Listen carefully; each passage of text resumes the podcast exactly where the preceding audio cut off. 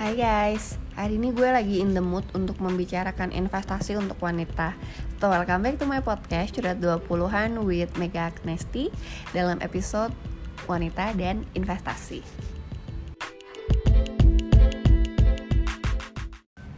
Motivasi gue dalam membuat episode kali ini adalah melihat betapa banyak sekali cewek-cewek di luar sana yang sudah paham dengan financial planning, tahu mengelola uang, tapi masih buta terhadap investasi. Kenapa buta terhadap investasi? Karena buat mereka mengelola uang saja sudah cukup, bisa nabung sudah cukup. Padahal ketika kalian mengetahui lebih lanjut terkait dengan investasi, kalian bisa mendapatkan um, hasil optimal dan juga memiliki tools yang lebih advance daripada sekedar tabungan.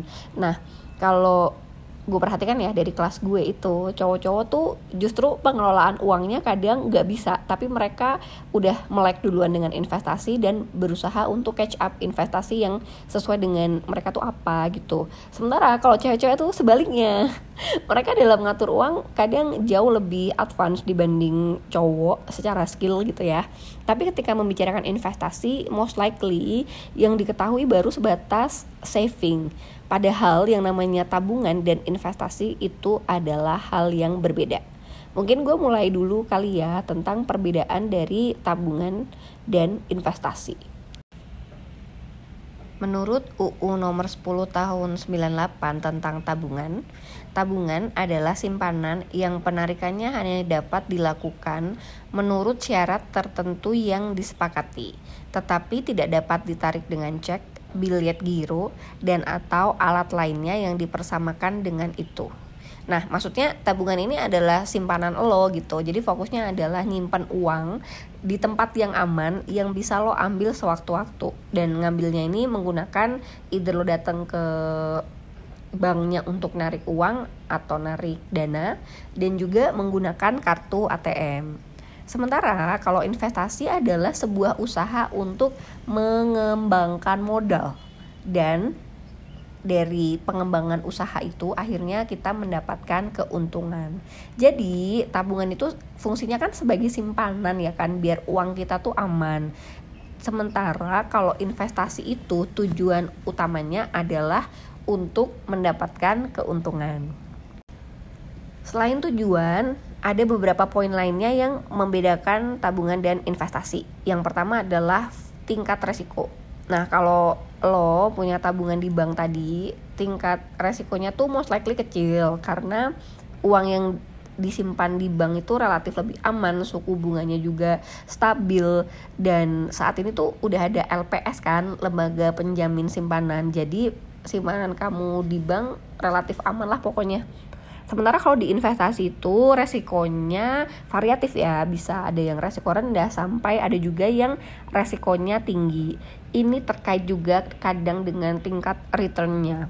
Karena kalau tingkat keuntungan yang tinggi biasanya diiringi dengan tingkat resiko yang tinggi juga, tergantung dari produk yang lo pilih.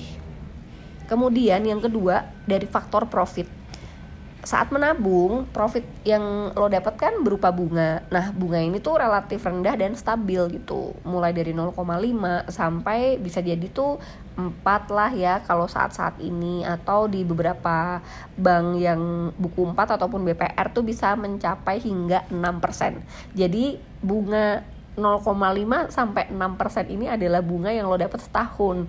Makanya lo jangan kaget kalau lo lihat uh, ada buku tabungan lo gitu ada apa ya statementnya lo lihat pendapatan bunganya pasti kecil banget karena memang itu tadi bunganya itu 0,5 sampai 6% per tahun. Sementara kalau investasi profitnya itu variatif tergantung dari produk yang lo pilih kan. Ada yang bisa kasih 6%, ada yang bisa kasih 20%, bahkan ada yang bisa kasih hingga let's say 200%. Tapi nilai ini juga diimbangi dengan fluktuasi yang besar juga. Seperti yang poin pertama tadi ya sebenarnya high risk high return gitu kan. Dan profit investasi kalau lo optimalin tuh emang bisa setinggi itu guys. Selanjutnya adalah dari sisi likuiditas. Nah, tabungan itu kan bisa kita ambil kapan aja kan, pakai uh, pakai ATM gitu kan. Sementara kalau investasi itu uh, variatif juga nih. Ada yang mudah dicairkan ada juga yang harus menunggu lama. Tergantung dari produk yang kita pilih dan juga uh, tergantung dari tipe investasi yang kita miliki. Supaya ada gambaran ya kalau produk tabungan tuh contohnya adalah tabungan reguler di bank kemudian juga ada tabungan giro, ada tabungan berjangka, ada tabungan valuta asing dan ada juga deposito. Jadi ingat ya, deposito itu bukan bentuk investasi tapi dia itu tabungan atau simpanan. Kemudian kalau contohnya investasi itu mungkin kalian juga sudah familiar ada yang berupa reksadana, ada logam mulia ataupun emas, kemudian ada properti, ada obligasi dan ada saham. Terus kenapa sih wanita itu harus paham juga tentang investasi? Karena gini guys, kalau misalnya lo single, lo kan nggak mau lah ya kerja mulu, terus uangnya lo taruh bank tapi juga pendapatan yang lo dapet dari simpanan lo tuh dikit banget gitu. Sementara lo punya financial goals tuh tinggi banget, misalnya kayak gue pengen beli tas LV, gue pengen liburan, gue pengen uh, ajak orang tua gue umroh, gue pengen uh, punya apartemen gitu hal-hal kayak gitu kan pasti di benak wanita karir selalu ada gitu kan. Nah sementara kalau lo nabung bunganya dikit ya gimana bisa mencapai financial goals yang udah lo inginkan dari awal gitu kan. Maka investasi ini bisa membantu lo untuk meraih financial goals yang lo inginkan. Selain itu, uang lo tuh jauh berkembang lebih besar dibanding ketika lo cuma taruh di tabungan gitu kan. Sementara kalau lo udah menikah, kenapa lo perlu berinvestasi? Karena satu, lo punya anak, lo pikirin dong masa depan anaknya ya kan dana pendidikan tuh mahal belum lagi dana kesehatan dan lain-lain gitu maka akan lebih baik ketika lo memiliki financial plan yang terarah dan untuk mencapai financial plan yang lo inginkan tentu saja lo harus um, membuat atau melakukan keputusan investasi. Karena tabungan aja tuh nggak cukup. Lo tetap harus perlu suatu produk keuangan yang bikin uang lo itu mendapatkan return yang lebih besar. Sehingga keuangan keluarga tercukupi masa depan anak lo lebih terjamin gitu kan. Sehingga ya jangan cuman spend spend duit uh, savingnya cuma sebatas di tabungan tapi lo tuh bisa lebih bisa optimize uang tersebut ketika lo menaruh uang lo pada investasi yang sesuai dengan profil lo. Investasi seperti apa sih yang cocok buat cewek-cewek? Buat gue pribadi ya sebenarnya gue udah coba ini beberapa tipikal investasi. Tapi kembali lagi ya kembali ke appetite kita kembali ke nyamanan kita mana sih yang membuat kita itu ngerasa secure mana yang kita enjoy ketika membeli produk investasi tersebut gitu kan. Gue udah cobain beberapa sih eh, nggak uh, cuma investasi tabungan pun gue juga punya beberapa tipe gitu. Dan ternyata memang gue suka banget sama tabungan berjangka karena buat gue yang nggak bisa lihat angka di buku tabungan gue di rekening gue tiap kali ngecek ATM maka gue emang perlu produk yang bisa ngelok uang gue tersebut. Sehingga tabungan berjangka yang gue auto debit dari tabungan eh sorry dari gajian itu enak banget. Karena ya anggap aja lah gue punya simpanan yang nggak tahu kapan akan keluar misalnya seperti itu ya. Jadi salah satu produk yang menurut gue menarik tuh tabungan berjangka nih kalau untuk simpanan. Deposito juga menarik. Deposito itu kan prinsipnya adalah lo menaruh beberapa dana pada suatu rekening. Kemudian dana itu lo nggak boleh ambil dalam jangka waktu tertentu yang sudah lo tentukan gitu kan. Kemudian setelah misalnya jatuh tempo, lo bisa ambil dana itu dan juga bunganya atau mau ambil bunganya aja kemudian dananya diputerin lagi atau bisa langsung muterin lagi menggunakan dana deposito plus bunga sehingga lo akan mendapatkan bunga berbunga gitu. Nah tapi deposito ini surprisingly nggak terlalu menarik minat gue karena memang return rate deposito tuh sekarang rendah banget guys. Nggak bisa kayak zaman dulu yang lo misalnya naruh uang 1M bisa dapet berapa uh, belas juta gitu terus bisa lo pakai hidup untuk satu bulan atau satu tahun gitu kan. Sayangnya deposito sekarang bunganya tuh juga kecil nggak bisa kayak dulu lagi.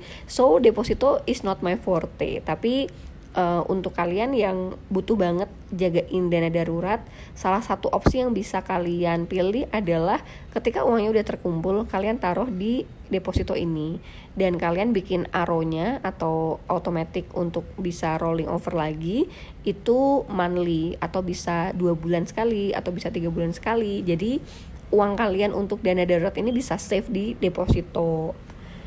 Terus apa lagi yang udah pernah gue coba ya? oh reksadana gitu kan nah reksadana ini kan ada empat tipe ya ada uh, reksadana pendapatan tetap reksadana pasar uang reksadana campuran dan reksadana saham gitu kan.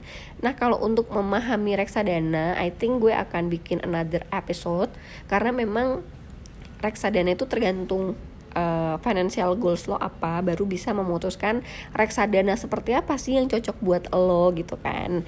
Nah, karena gue tipenya hmm, cukup agresif ya baru mau walaupun bukan agresif agresif amat gitu cuman gue ternyata suka banget nih yang bisa menghasilkan return tinggi. Maka kemarin gue tuh buka tiga tipe reksadana mulai dari yang reksadana pasar uang pendapatan tetap eh sorry reksadana pasar uang campuran sama saham gitu. Saham sama campuran nih waktu sebelum corona emang wah gila tuh naiknya lumayan banget. Tapi begitu corona kan dia merah gitu kan. Sementara yang reksadana pasar uang most likely stable gitu kan. Sehingga ya walaupun dia nggak terlalu tinggi returnnya tapi angkanya stabil. Dan inilah yang bisa kita gunakan juga sebagai um, alat untuk mencapai financial goals jangka pendek maupun jangka menengah kita gitu. Sehingga reksadana tuh simple banget cara kerjanya. Kalian bisa beli langsung melalui sekuritas atau kalian juga bisa datang ke bank yang kalian suka untuk membeli produk reksadananya. Dan kalau misalnya kalian nggak um, bisa top up secara disiplin gitu ya.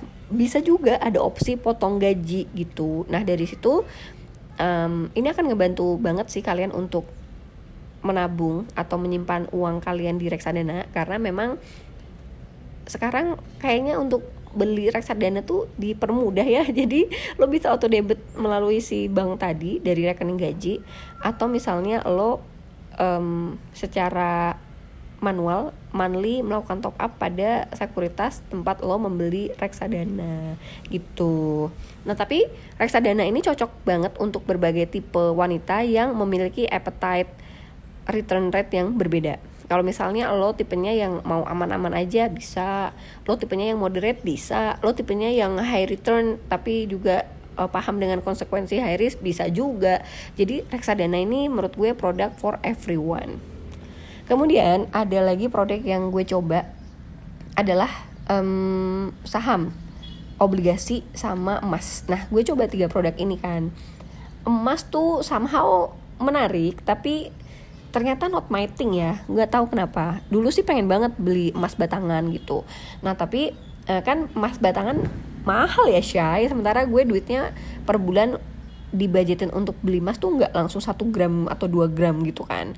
Jadi dikit-dikit akhirnya um, tahun 2014 lah ya gue udah mulai mencoba aplikasi untuk beli emas um, melalui handphone. Jadi sebenarnya lo nabung emas gitu kan lo nabung emas misalnya ban budget lo per bulan let's say 300 ribu itu ya udah 300 ribu lo nabung tiap bulan nanti ketika lo udah terkumpul bisa dananya beli atau untuk nyetak emas 2 gram bisa langsung lo cetak langsung lo ambil lo simpen deh emasnya.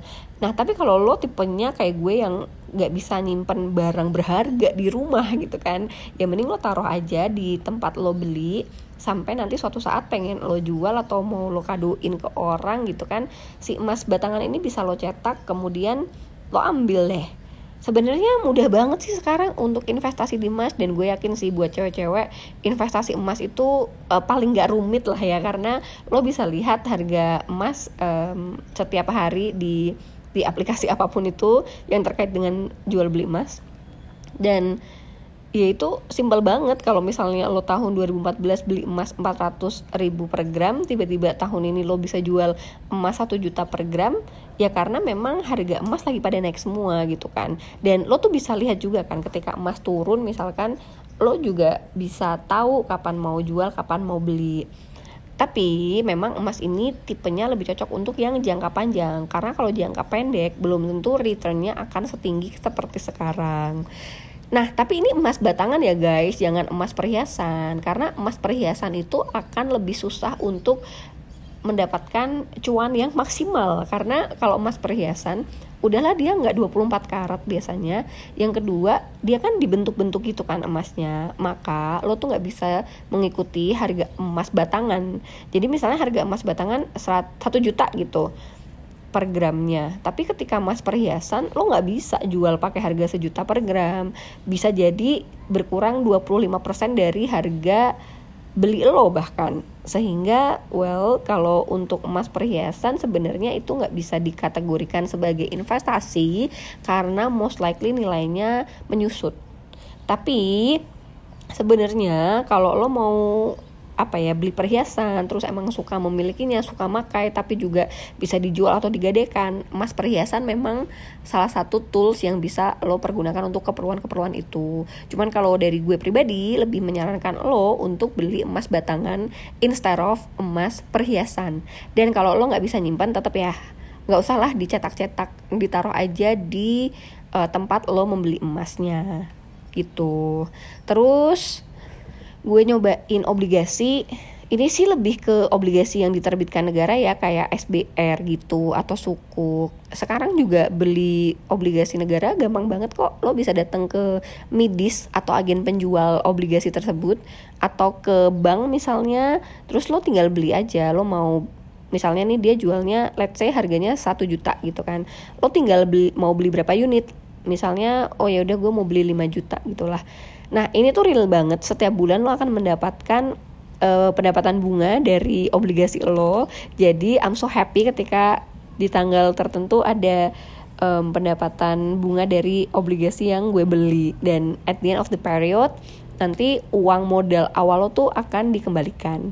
So yes, obligasi is quite interesting untuk orang yang suka stability, untuk orang yang punya uang lebih banget misalkan kalau kayak taruh 10 juta menurut gue dengan bunga saat ini yang sekitar maksimal 8% itu nggak bisa menghasilkan hal nggak bisa menghasilkan pendapatan bunga yang banyak kalau lo naruhnya cuma kayak 10 juta gitu kan.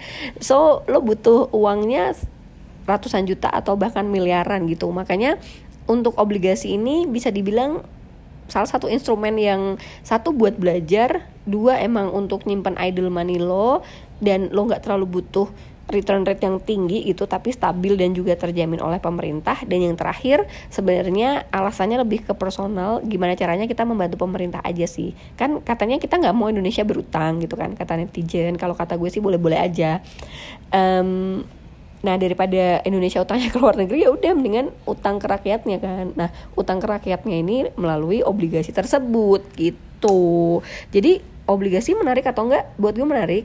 Tapi bener-bener lo harus punya idle money dan kalau bisa diusahain yang gede supaya dapat return rate-nya gede juga. Pokoknya ini tuh aman lah kalau si obligasi karena well nggak nggak rumit. Sebenarnya bisa lo jual lagi tapi gue sih males ya mendingan jadi milik gue aja gitu dan well ya yeah, kalau kalian udah pernah nyobain beli SBR atau sukuk pasti kalian kebayang lah seperti apa. Kalau gue as long as bunganya bisa kayak SBR 03 yang sampai 8% mungkin gue akan beli. Tapi kalau bunganya sekitar cuma 6% ya buat apa gitu kan.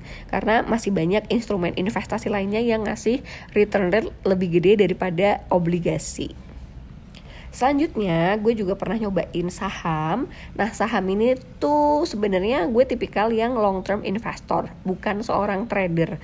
Jadi yang gue lakukan adalah gue beli saham blue chip um, dan saham yang gue beli tuh nggak cuma satu. Gue tuh sekarang punya lima um, emiten. Kemudian gue harus punya target nih target gue apa? Apakah misalnya gue pengen dapat dividen 100 juta per tahun misalkan? Maka gue kebayang gue harus memiliki berapa lot saham di perusahaan tersebut gitu. Atau misalnya target gue masih simple lah gue pengen punya uh, eh, 1000 lot sahamnya BBCA gitu misalkan. Ya bisa. Pokoknya kalau long term investor sebenarnya yang lo cari adalah um, capital gain dan juga dividen. Tapi kalau lo memang suka banget melakukan transaksi jual beli saham itu lebih menarik lagi sih tapi ilmunya juga banyak banget lagi sih Maka sesungguhnya lo tuh kalau mau belajar bisa banget mempelajari saham, kemudian uh, trading. Tapi kalau misalnya masih awal-awal, lo belinya blue chip aja lah. Dan di saat corona kayak gini, saham kan volatile banget ya naik turunnya. Jadi it's such a good opportunity sih guys kalau lo start saham di tahun 2020 karena banyak harga yang diskon, terus um, volatilenya cukup tinggi jadi lo bisa jual beli jual belinya tuh juga enak gitu. But first sebelum lo menjadi trader please please please lo belajar lebih banyak tentang persahaman biar nggak ketipu beli saham yang tir bawah atau yang saham abal-abal gitu kan. Pokoknya untuk pemula untuk orang yang masih awal-awal banget main saham belilah only the blue chip jangan beli yang aneh-aneh oke okay? Kemudian kalau investment terakhir yang gue coba adalah P2P lending. P2P lending tuh sebenarnya um, mereka memfasilitasi kalau ada ada orang yang mau pinjem uang gitu kan. Sementara mungkin dia nggak bankable atau emang butuh waktu cepet gitu kan. Nah lo sebagai investor bisa meminjamkan uang lo dengan aman melalui aplikasi tersebut. Dan lo sebagai investor akan mendapatkan return rate yang cukup tinggi dari aplikasi itu. Seperti um, misalkan nih ya ada orang yang butuh belanja barang gitu kan. Nah si P2P lending ada tipikal yang P2P lending memfasilitasi um, cicilan untuk beli bayar tanpa kartu kredit. Nah lo tuh sebagai investor lo memberikan modal lo kepada aplikasi ini atau kepada P2P lending ini supaya uang lo bisa disalurkan untuk kredit orang-orang yang pengen beli barang menggunakan fasilitas cicilan tanpa kartu kredit tadi ada juga tipikal P2P lending yang emang kasih cash uh, no matter what your objection as a borrower gitu ya lo bisa dapat cash dari P2P lending itu dan lo sebagai investor tetap dapat bunga. Tapi ada juga tipikal P2P lending yang based on social mission ya. Misalnya ini kayak gini uh, ada ibu-ibu UMKM yang nggak bankable maka si P2P lending hadir di sana untuk membantu pengembangan usaha dari ibu-ibu UMKM ini gitu. Dan lo sebagai investor lo bisa menanam modal pada si ibu-ibu UMKM ini. Kemudian lo udah tahu per bulannya lo akan dapat return rate-nya berapa gitu kan. Atau misalnya ada produk pertanian yang perlu investor gitu. Nah dia lagi nyari investor atau pemodal.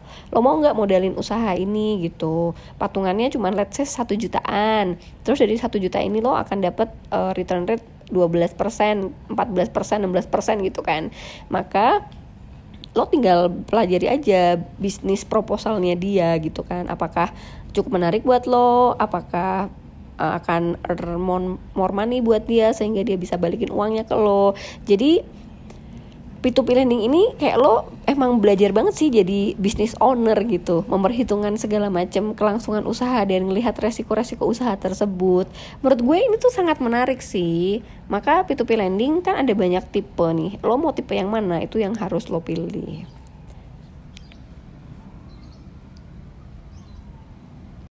Sebenarnya kalau ngomongin barang-barang mewah tuh bisa jadi investasi nggak sih?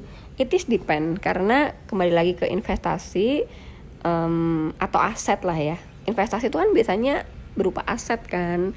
Nah aset ini tuh syarat utamanya harus memberikan imbal hasil kepada pemiliknya. Kalau branded bag lo pakai untuk investasi lo tuh nggak pernah tahu gitu apakah barang ini akan naik harganya di masa mendatang.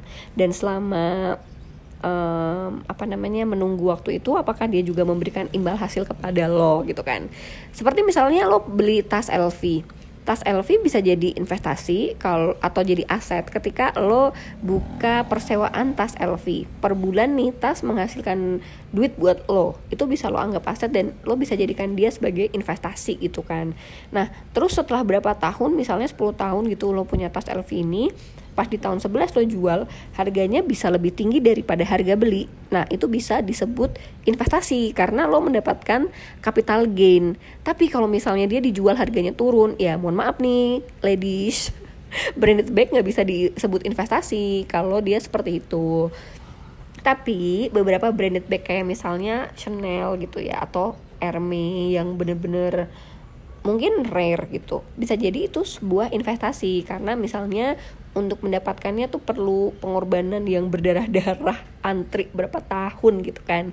Nah ketika lo punya tas itu tahun sekarang lo belinya let's say 300 juta dan misalnya lima tahun lagi lo jual masih banyak antrian yang belum dapat dan mereka sangat menginginkan tas itu mau beli sampai harga 500 juta. Ya itu bisa dibilang investasi intinya aset itu harus menghasilkan dan memberikan imbal hasil kepada lo. Dan kalau dijual dia juga harus um, memiliki yang namanya capital gain bahwa harga jualnya lebih tinggi daripada harga beli. Syaratnya suatu aset itu seperti itu. Jadi kalau lo beli barang lo pikirin lagi sekarang bisa nggak ya gue jual harganya lebih tinggi? Kalau bisa ya lo bisa mengklaim itu sebagai investasi. Tapi kalau enggak ya jangan wanita itu kenapa sih harus pintar ngatur uang gitu karena ya gue lihat nyokap gue ya dia tuh the center of my universe the center of my home gitu nyokap yang put us together dan dia yang provide segala macam kebutuhan uang kita semuanya gitu. Sementara bokap memang tipikal yang memberikan semua gaji kepada nyokap. Jadi emang nyokap harus bisa mengelola uang itu dengan baik. Dan melihat pengalaman seperti itu, it is important for us. Kalau misalnya kalian udah berumah tangga, lo bisa mengatur uang dan tahu cara muterin uangnya. Um, kemudian yang kedua, we never know ya apa yang bisa terjadi pada suami kita ada yang tiba-tiba masih muda suaminya meninggal karena serangan jantung atau kecelakaan gitu kan dan misalnya kita uh, udah terbiasa dapat dual income tiba-tiba karena suami meninggal jadi single income lagi atau bahkan no income nah skill kita untuk berinvestasi ini bisa membantu kita untuk um, keluar dari masa-masa krisis gitu loh untuk bangkit kembali. Karena wanita yang berdaya secara finansial itu bisa apa ya bisa memberikan uh, kepercayaan diri bisa provide juga untuk the family gitu. So kemampuan finansial dan juga uh, pengetahuan finansial tuh sangat penting banget lah dimiliki oleh seorang wanita. Dan juga buat kalian yang masih single kalian tuh kan masih belum punya tanggungan misalkan ya kayak gue. Oke okay, mungkin gue memberikan uang kepada family tapi tapi gue nggak memiliki tanggungan lah ya istilahnya. Maka gue masih punya banyak uang yang bisa gue saving ataupun yang gue investasikan dan why not? Karena um, hari gini uang tuh jangan cuma buat hura-hura aja tapi kita juga harus mikirin masa depan. What if we lost our job karena corona? What if we we lost our job karena kemajuan teknologi? Dan what if kita harus pensiun terus kita got nothing gitu nggak punya penghasilan? Maka ketika kita dari muda udah terbiasa dengan menabung dan juga berinvestasi ketika kita udah nggak ada kerjaan lagi kita tuh bisa hidup dari imbal hasil investasi kita. Seperti misalnya nih yang gue rasain banget misalkan apa ya obligasi tadi ya. Lo tiap bulan dapat uang dari obligasi. Menyenangkan kan? Karena memang ternyata uh, lo dapat pendapatan pasif dari investasi lo. Kemudian yang kedua misalnya dari saham. Gue beli saham dulu lumayan mahal karena belinya sebelum corona kan. Tapi selama corona alhamdulillah gue masih punya rezeki. Ketika harga saham turun gue beli beli beli beli sampai akhirnya bisa average down ngikutin harga pasar saat corona. Jadi portofolio gue hijau lagi gitu. Dan ketika kemarin harga saham naik lagi, ya gue jual-jualin aja. Akhirnya gue kan dapat dapat keuntungan kan dari jual beli saham ini dan uangnya bisa gue uh, pakai untuk hal lain seperti misalnya nih gue kayak lagi mau ambil CFP gitu kan. Atau bisa juga gue gunakan untuk let's say um, liburan atau beli tas gitu kan. Dan nanti gue tetap reserve dana lagi untuk beli saham nih ketika gue um, memiliki kemampuan membelinya gitu. Dan ketika suatu saat lo akhirnya bisa beli properti dan properti lo lo sewakan lo dapat imbal hasil dari properti tersebut. Ya why not gitu kan? Jadi persiapkanlah masa depan kita dengan baik dengan pengelolaan keuangan dengan baik. Uh, kita bisa mengoptimalkan kebutuhan finansial kita dengan melakukan investasi sesuai profil kita sesuai resiko kita sesuai appetite kita. Jadi pesan gue untuk cewek-cewek di luar sana uh, meleklah terhadap skill dalam pengelolaan uang dan juga meleklah terhadap investasi. Jangan mau kalah sama cowok-cowok yang sekarang jauh lebih advance uh, dibanding kita kalau ngomongin investasi karena we women can kita juga harus um, memperluas wawasan dan pengetahuan kita terhadap financial product supaya kita juga sama-sama berdaya kayak cowok. Oke, okay, kalau kalian punya pertanyaan, jangan lupa kirim DM ke Instagram @megaagnesti. Kalau gue bisa menjawab, akan gue jawab pada eh, DM tersebut ya. And thank you so much for listening to this episode. Semoga bisa bermanfaat kepada kalian. Sorry, bermanfaat bagi kalian. Have a good day. Bye bye.